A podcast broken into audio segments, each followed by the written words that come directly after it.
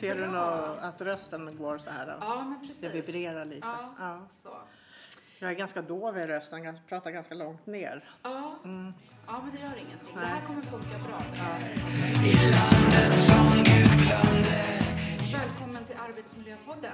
Tack så mycket. Jag är jätteglad för att vara här också. Ja, Ja. och du är ju min första gäst Ja, oj. på köpet. Oj, Så, oj, vad smickrande. ja, Ja. så att jag tänkte, men du, vi har ju träffat varandra förut. Ja, ja. Under tyvärr inte alltför roliga omständigheter. Och det är väl lite grann därför du också är här. För att berätta lite utav din historia. Och den, är ju, den har varit lång. Den har är varit ju- jättelång. Ja, Ja. Den är inte slut än. Nej, den är absolut inte slut. Nej. Och jag tänkte så här att när du, eh, när du hörde av dig till mig och berättade att du hade fått en arbetsskadelivränta, då började ringa intresseklockorna i Ja. mitt huvud. Ja, var jättebra. Ja, för Ja. orsaken till att du faktiskt har fått det, det är ju att du har ju blivit utsatt för något som ingen människa ska behöva bli utsatt för Nej. i arbetslivet. Nej. Och det har ju fått sina effekter. Och vi är alldeles för många. Och ni är alldeles Vi för är många. alldeles för många. Jag tänkte så här att, för vi har ju pratat lite grann med varandra eh, inför den här intervjun. Mm. Det här började ju redan 2011 för dig när du Ja. fick anställning inom Stockholms stad. Så behöver vi ju inte säga vilken kommun då. Eh, som socialsekreterare. Ja. Och eh, du jobbade ju, vad var det du gjorde? Du jobbade med barn som Ja. jag förstod det Det va? var ganska mycket tuffa ärenden. Svåra ärenden. Och du hade många ärenden också som jag förstod. jag hade många ärenden.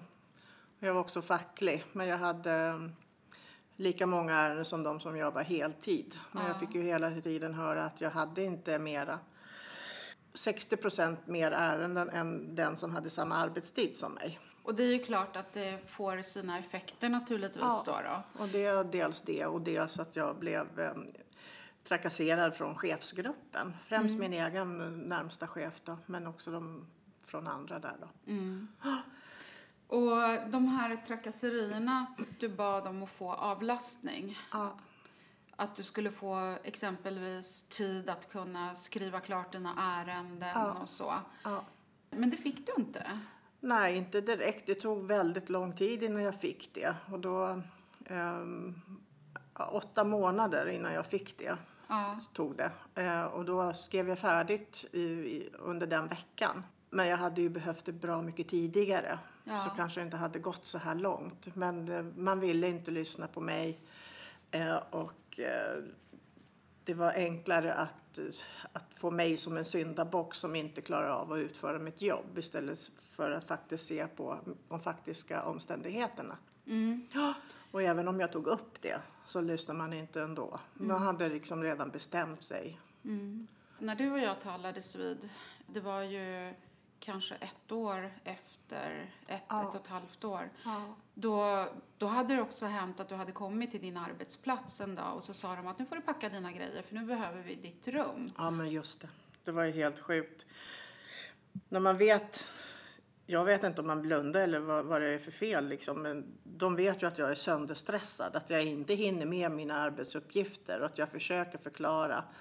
Då hade jag Då satt jag och jobbade med det som jag fått kritik för, att inte hinna med i tid. Jag hann till liksom sista deadline ungefär.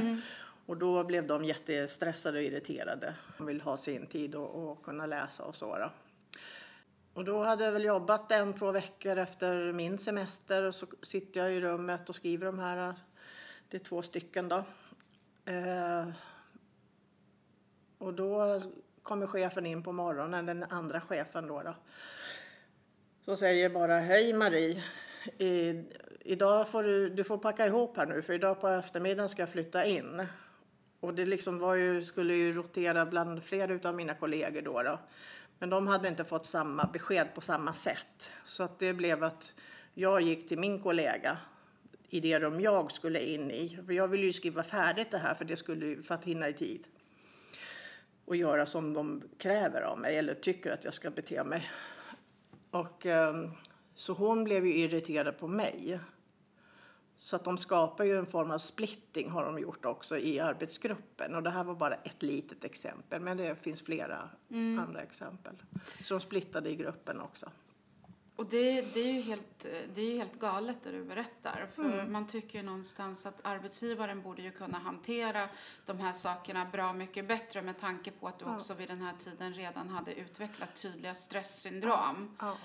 Och vad fick du för hjälp från arbetsgivaren? För, för, för du var ju sjukskriven ibland. Inga Ja. längre perioder Nej, som men jag det var förstod för det. ryggen, för jag Ja. kollapsade i ryggen utav stressen. Vi gick ju på två dagar i veckan gick jag hos en kiropraktor och ja, det ena och det andra. Men eh, eh, Gjorde de någon rehab? nej. Typ- Nej, ingenting. Det de gjorde var, vi vände på skrivbordet eh, och så fick vi, ja precis, vi, eh, satte upp för någonting för fönstret så att jag inte skulle bli distraherad av de som kom. Vi satte upp en lapp på eh, att eh, kollegor inte ska komma in och störa. Men det spelade ingen roll för kollegor kom in och störde ändå. Ja. Mm.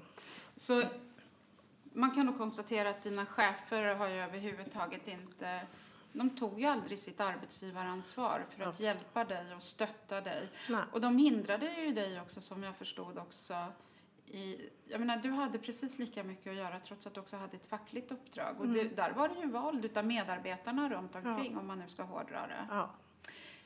När du hamnade i allt det här, eh, då var ju du med i Akademikerförbundet SSR. ja. Hjälpte de dig på något vis? Nej. En klapp på axeln och säga det här låter ju jättejobbigt. Det är ungefär vad jag fick. Så att jag skulle aldrig rekommendera någon att gå med i Akad- Akademikerförbundet SSR. För när det väl gäller, Ja. när det är på allvar, då står de inte vid din sida. Ja. Vad gjorde skyddsombudet? Han eh, sa att han kunde inte hjälpa mig.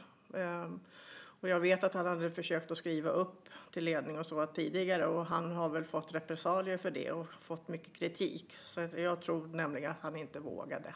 Så han blev rädd med andra Ja. ord? Ja. Dina- Alla har ju liksom lokalt, eh, centralt och allt. De har ju hänvisat mig vidare hela tiden till någon annan. Det är alltid någon annan som ska göra, Mm. komma med någon lösning och hjälp.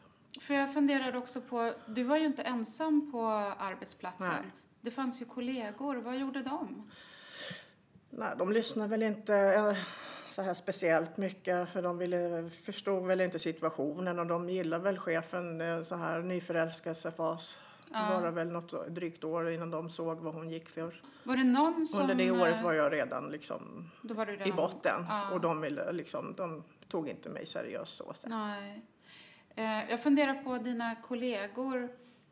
För har någon efteråt ställt upp för dig Ja. och vågat berätta vad som har hänt på den här arbetsplatsen? Ja, en, en har gjort det men liksom med löfte om att inte man berättar vem det är. Mm. Eh, Hon är inte inskriven i journalen heller utan den som intervjuade. Så att, eh, ja. Ja. Och sen en annan kollega men från en annan eh, avdelning. Så att det har ju varit en jätte, jättelång väg och jag vet att någonstans där i, på vägens gång så valde du också att byta fackförbund. Ja, och då fick jag hjälp. Alltså helt, eh, ja. Mitt sista möte med Akademikerförbundet SSR och den förtroendevalda, han också, jag kände mig kränkt och trakasserad från honom också. Han lyssnade inte på vad jag hade att säga. Han, det, var inte, det var ovidkommande för att vi kunde inte bevisa någonting. Han kallade väl dig dum har jag Ja, jag var ju lite dum eftersom jag inte bytt jobb. Ja. Ja. Men, Men vem går på en anställningsintervju och storgråter? ja. Ingen sund människa, vad Nej. jag vet. Och det hade jag redan berättat för honom. Men han kanske hade glömt det, jag vet inte. Men då kom du till böt jag. Ja. Ja. Och vi skrev en arbetsskadeanmälan eh, till arbetsgivaren. Just, för det var väl egentligen det som var den stora Det skillnaden? det, ja, det var det som var den stora skillnaden. Ja. Att bli lyssnad på, Ja. att bli tagen på allvar. Vem var det som skrev den här ska, arbetsskadeanmälan? Var det, var det den Ja, hon var lokala? skyddsombud. Hon var skyddsombud. Mm. För alltså det ju, om vi uppehåller, oss lite grann vid skyddsombudsrollen. Här kan vi ju både, du och jag, ja, men jag jobbar ju också med de här frågorna, konstatera att skyddsombuden de har ju en otroligt viktig Ja. roll. Ja, De kan ju göra den stora det skillnaden. är de som kan göra den. Ja. Ja, Om de också Ja. inte blir tillplattade Ja, ja. av eh, arbetsgivaren. Och där har ju fackförbunden en väldigt viktig roll också att stötta upp skyddsombuden även om det inte är en facklig, facklig roll i sig. Men Ja. de får ju mycket stöd därifrån. Ja. Att våga stå upp och våga också hjälpa dem genom att göra de här anmälningarna. Mm. Jag vet ju att du berättade ju för mig någon sån här historia när du var anställd att du hade ju också blivit utsatt för hot, du och Ja. dina familjemedlemmar. Ja. Och arbetsgivaren ställde inte ens upp med handledning eller skydd eller någonting. Nej. Utan det var i princip att ja, du fick klara dig själv. Ungefär så att jag eh, blev ifrågasatt lite mer. Så sammantaget så var det ju en ganska ohållbar situation som du Ja. hamnade i. Min andra hot, eh, när jag blev hotad av min familj, då gjorde förvisso den nya chefen en, en eh, polisanmälan. Men det var i stort sett allt och den ledde ju inte till någonting för jag var redan så slut och stressad och jag orkade liksom inte gå vidare med det själv. Nej. Nej. Sen gick det ju månader igen. Ja. Det här har ju varit en lång, lång Ja. process för dig. Ja. Med många möten och du har fått ligga och driva på jätte, jättemycket Ja. själv. Och till slut, när du hamnade hos Vision, så kom du också till vägs ände. Med att du orkade helt enkelt inte Nej. föra Nej. en kamp mot arbetsgivaren. Jag blev ju sjuk. Jag gick till läkaren och blev sjukskriven eh, i, i, på, i våren eh, 14. Mm. Och sen hade vi ju möte med eh, jag och han fackliga och ehm, HR-specialisten och chefen. Eh, och då blev jag ännu mer kränkt eh, och jag började allvarligt fundera på att ta livet av mig för det var fruktansvärt. Och eh, man la fram karriärväxling till mig då. Ehm, och det var efter sommaren och sen kom det tillbaka strax innan jul igen med, med Mm. förslag. Ehm, och det var i och med det som jag bytte fackförbund. Ehm, för att jag blev också kränkt av han då, från fackförbundet SSR. Men ehm, Ja, för vem orkar en karriärväxling när man befinner sig i en sån utsatt situation där du befann dig? och jag ville inte ha en karriär ens. Nej. Nej. Nej, Nej, alla vill inte göra karriär. Det Nej. liksom ligger inte mig i- Jag vill göra det jag tycker om liksom. Ja. Eh, nej. så efter mycket Och då, men då blev det att Ja. jag, ehm, när vi skulle ha ett möte så var jag så nere och det kändes som jag hade en snara runt halsen och med min arbetsgivare kändes som drog åt snaran hela tiden. Så tänkte jag, för att jag om någon gång ska kunna bli frisk Mm. så då tänkte jag att jag tackar ja till eh, erbjudandet och blir fri från eh, förvaltningen då. Ja. Och hur kändes det när du tackade ja? För du blev ju utköpt. Ja, jag blev utköpt. Eh, ett ynka år, liksom. det är väl Ja. kutym ungefär. Men, och det, är- det är nästan en kränkning det också. För att det är så lite, det, det kompenserar ingenstans. Ehm, för sex månader är väl också en uppsägnings av eh, Precis, månader. hade jobbat där Så tillräckligt sex länge. månader kan Ja. man väl säga att jag fick då, då eh, om man ska vara sån. Eh, och då så var det en lättnad att bli av med det här oket. Men då på det här sista mötet som vi hade, då hade personal, HR, svängt. För jag hade, då hade ju arbetsskadeanmälan kommit in och de hade fått läsa min berättelse. Och då blev, då blev de tagna på sängen så att eh, de hade väl tänkt att erbjuda mig något annan Annat, sysselsättning inom förvaltningen. Mm. Och det är ju rätt intressant att den här Ja. arbetsskadeanmälan, att den gjorde den stora skillnaden. Ja.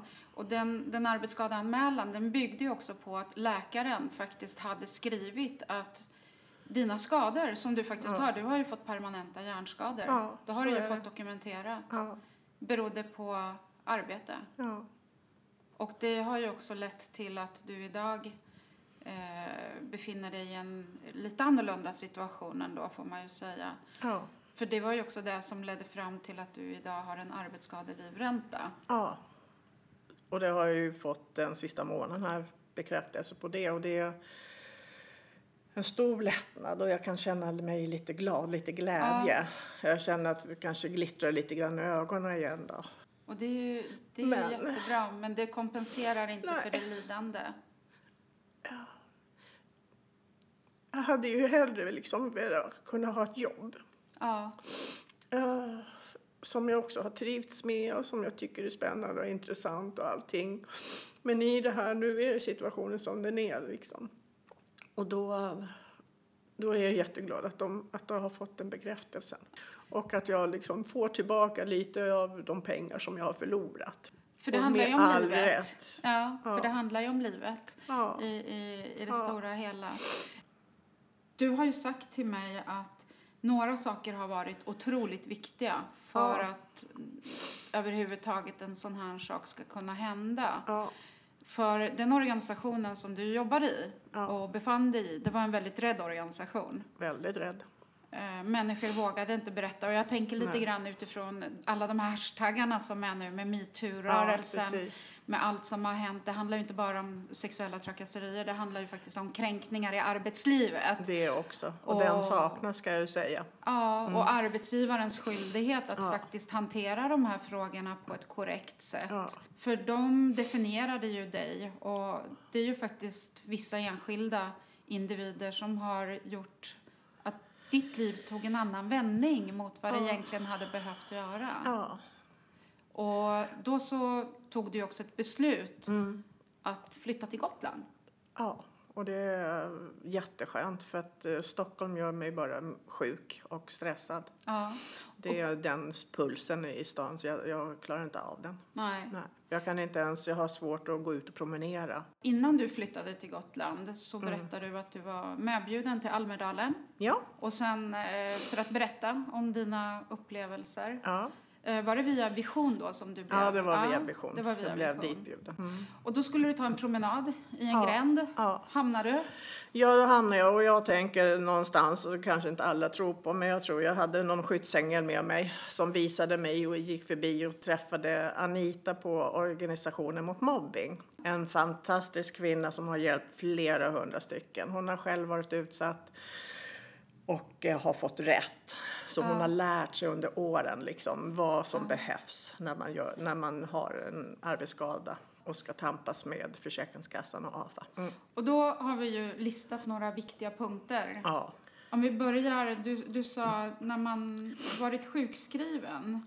Ett bra tag, ja. Ett bra tag. För du var ju Ja. ganska aktiv i ditt försök att rehabba dig själv. Men vad Ja, jag hände? var ju det. När man sen bara la, stängdes det av. Jag orkar, har inte orkat gå ut och promenera, vilket har lett till att jag har gått upp 20-30 kilo. Och det, bara det är jobbigt och sliter på kroppen. Ehm, och sänker självförtroendet också för den delen, tillsammans med allt annat. Och sen, ehm, vi fick kontakt och hon började hjälpa mig liksom och titta på mina papper och liksom vi pratade hit och dit och vad som behövs. Någonting som är jätteviktigt när man har eh, som utmattningssyndrom. För du fick en Man- arbetsskadebedömning va, gjord? Ja, på, ja, någonstans. Eller jag, fick, eh, jag skulle få rehabilitering. Och då skulle, fick jag det först på PBM. Alltså jag fick ingen rehabilitering för att jag var inte i stånd till att ta mottaglig för att Nej. ta emot den. Men jag fick en bedömning. Ja, och Att PBM är företagshälsa va? Eh, PBM är en rehabiliteringsinstans. Rehabiliteringsinstans, Ja. okej. Ja. Ja. Och sen eh, fick jag då via Anita då att eh, något som är viktigt, en arbetsskada, det är Centrum för arbets och miljömedicin som finns i ett par städer i, i landet.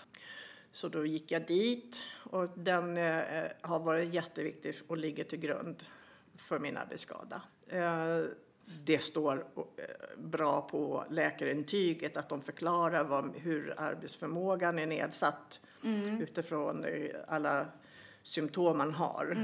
Om man eh, har minnesförluster och koncentration så ska han beskriva då, då vad, hur, hur det påverkar arbetsförmågan. ja, för det handlar ju om både kognitiva och Ja. beteendemässiga, alla saker som egentligen gör en Ja. människa hel, kan Precis. man ju säga. Ja. Ja. Och sen, ehm, eh, och det är väl inte många som vet om, ska man överhuvudtaget kunna få någon rätt till eh, arbe, arbetsskadelivränta? Mm. För det, när man söker om arbetsskade eh, gör en ansökan om arbetsskada till Försäkringskassan så brukar man få kryssa i livränta också. Och för att man överhuvudtaget ska gå vidare då krävs det att det står att eh, någon läkare eller psykiater som intygar att du inte kommer kunna stå till arbetsmarknadens förfogande i någon arbete under minst ett år. Eller också det kan det vara för all framtid framöver. Det beror ju på hur pass det är. Då.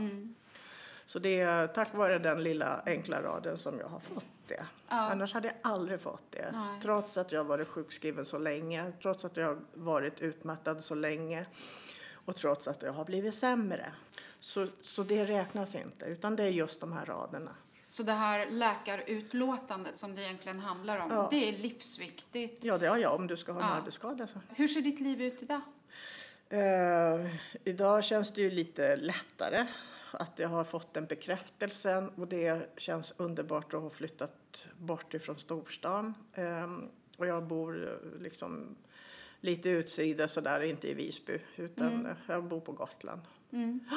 Lugn och ro. Ja, lugn och ro Ja. så har jag det. Vad har du för framtidsvisioner? Ja, min, mina första det är ju liksom att jag ska gå, orka fun, fungera i vardagen. Mm. Orka umgås med eh, lite mer med, med de nära. Mm. Och att bara orka gå och promenera. Mina eh, utsikter till jobb ser jag som noll. Alltså jag känner mig så skadad. Mm. Ehm, ja. Men jag kan ju få ett bra liv för det. Liksom. Och eh, kanske hjälpa andra människor. För det är ju det jag tycker är kul. Mm. Ja, för det har du ju haft som grund Ja. även när du började Ja. att arbeta. Det var ju att hjälpa andra. Ja men det var ju det. Ja, Ja, har alltid varit. ja. Så att det, Så är det. Ja. Mm. Så vi kan väl konstatera då att skyddsombud, jätteviktiga. Ja, de är väldigt viktiga. För det är de som kan göra den stora Ja. skillnaden. Ja. Och även att de fackliga blir duktigare på att hantera den här typen av frågor. Ja, Jag tänkte också på att vi får inte heller glömma bort arbetsgivarens ansvar. För du har ju råkat ut för något som ingen ska behöva råka ut Ja. för. Och vi har ju då lagar och regler Ja. som faktiskt hanterar den här typen av frågor.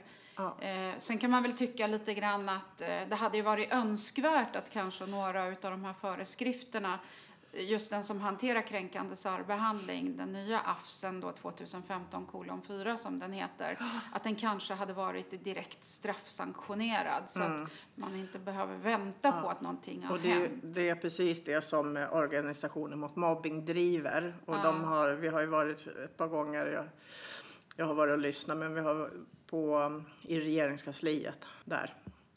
Eh, och haft möten och med inbjudna och dels eh, från eh, olika partier som har varit med.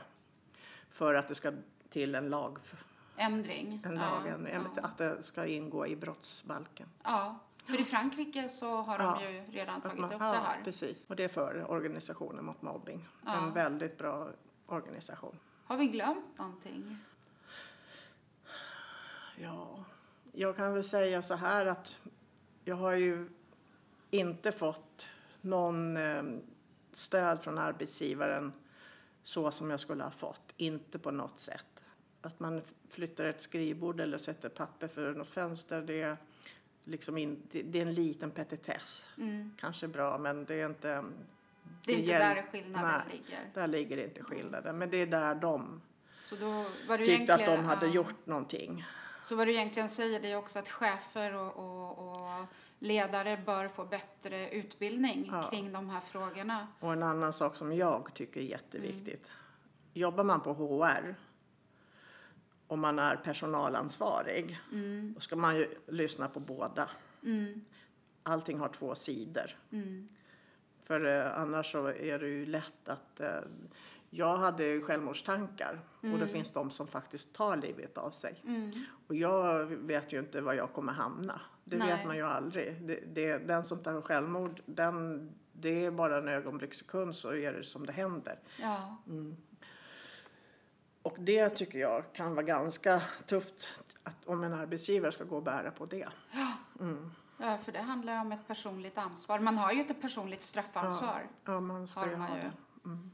Nu hoppas vi ju på att eh, i ditt fall Att det inte blir så. eh, det inte Nej. blir så. Nej. Och att vi kommer titta, att du Ja. kommer titta framåt. Ja, jag har en älskvärd man som, som är ett stort stöd för mig och så har jag mina barn och barnbarn. Så Ja. det, det är liksom det som håller mig uppe. Tack Marie. Ska vi själv. sluta så? Ja, det kan vi. Ja, tack. Och tack till alla lyssnare som eh, har lyssnat på Arbetsmiljöpodden. Så hörs vi om någon vecka igen. Ha det bra. Hej då.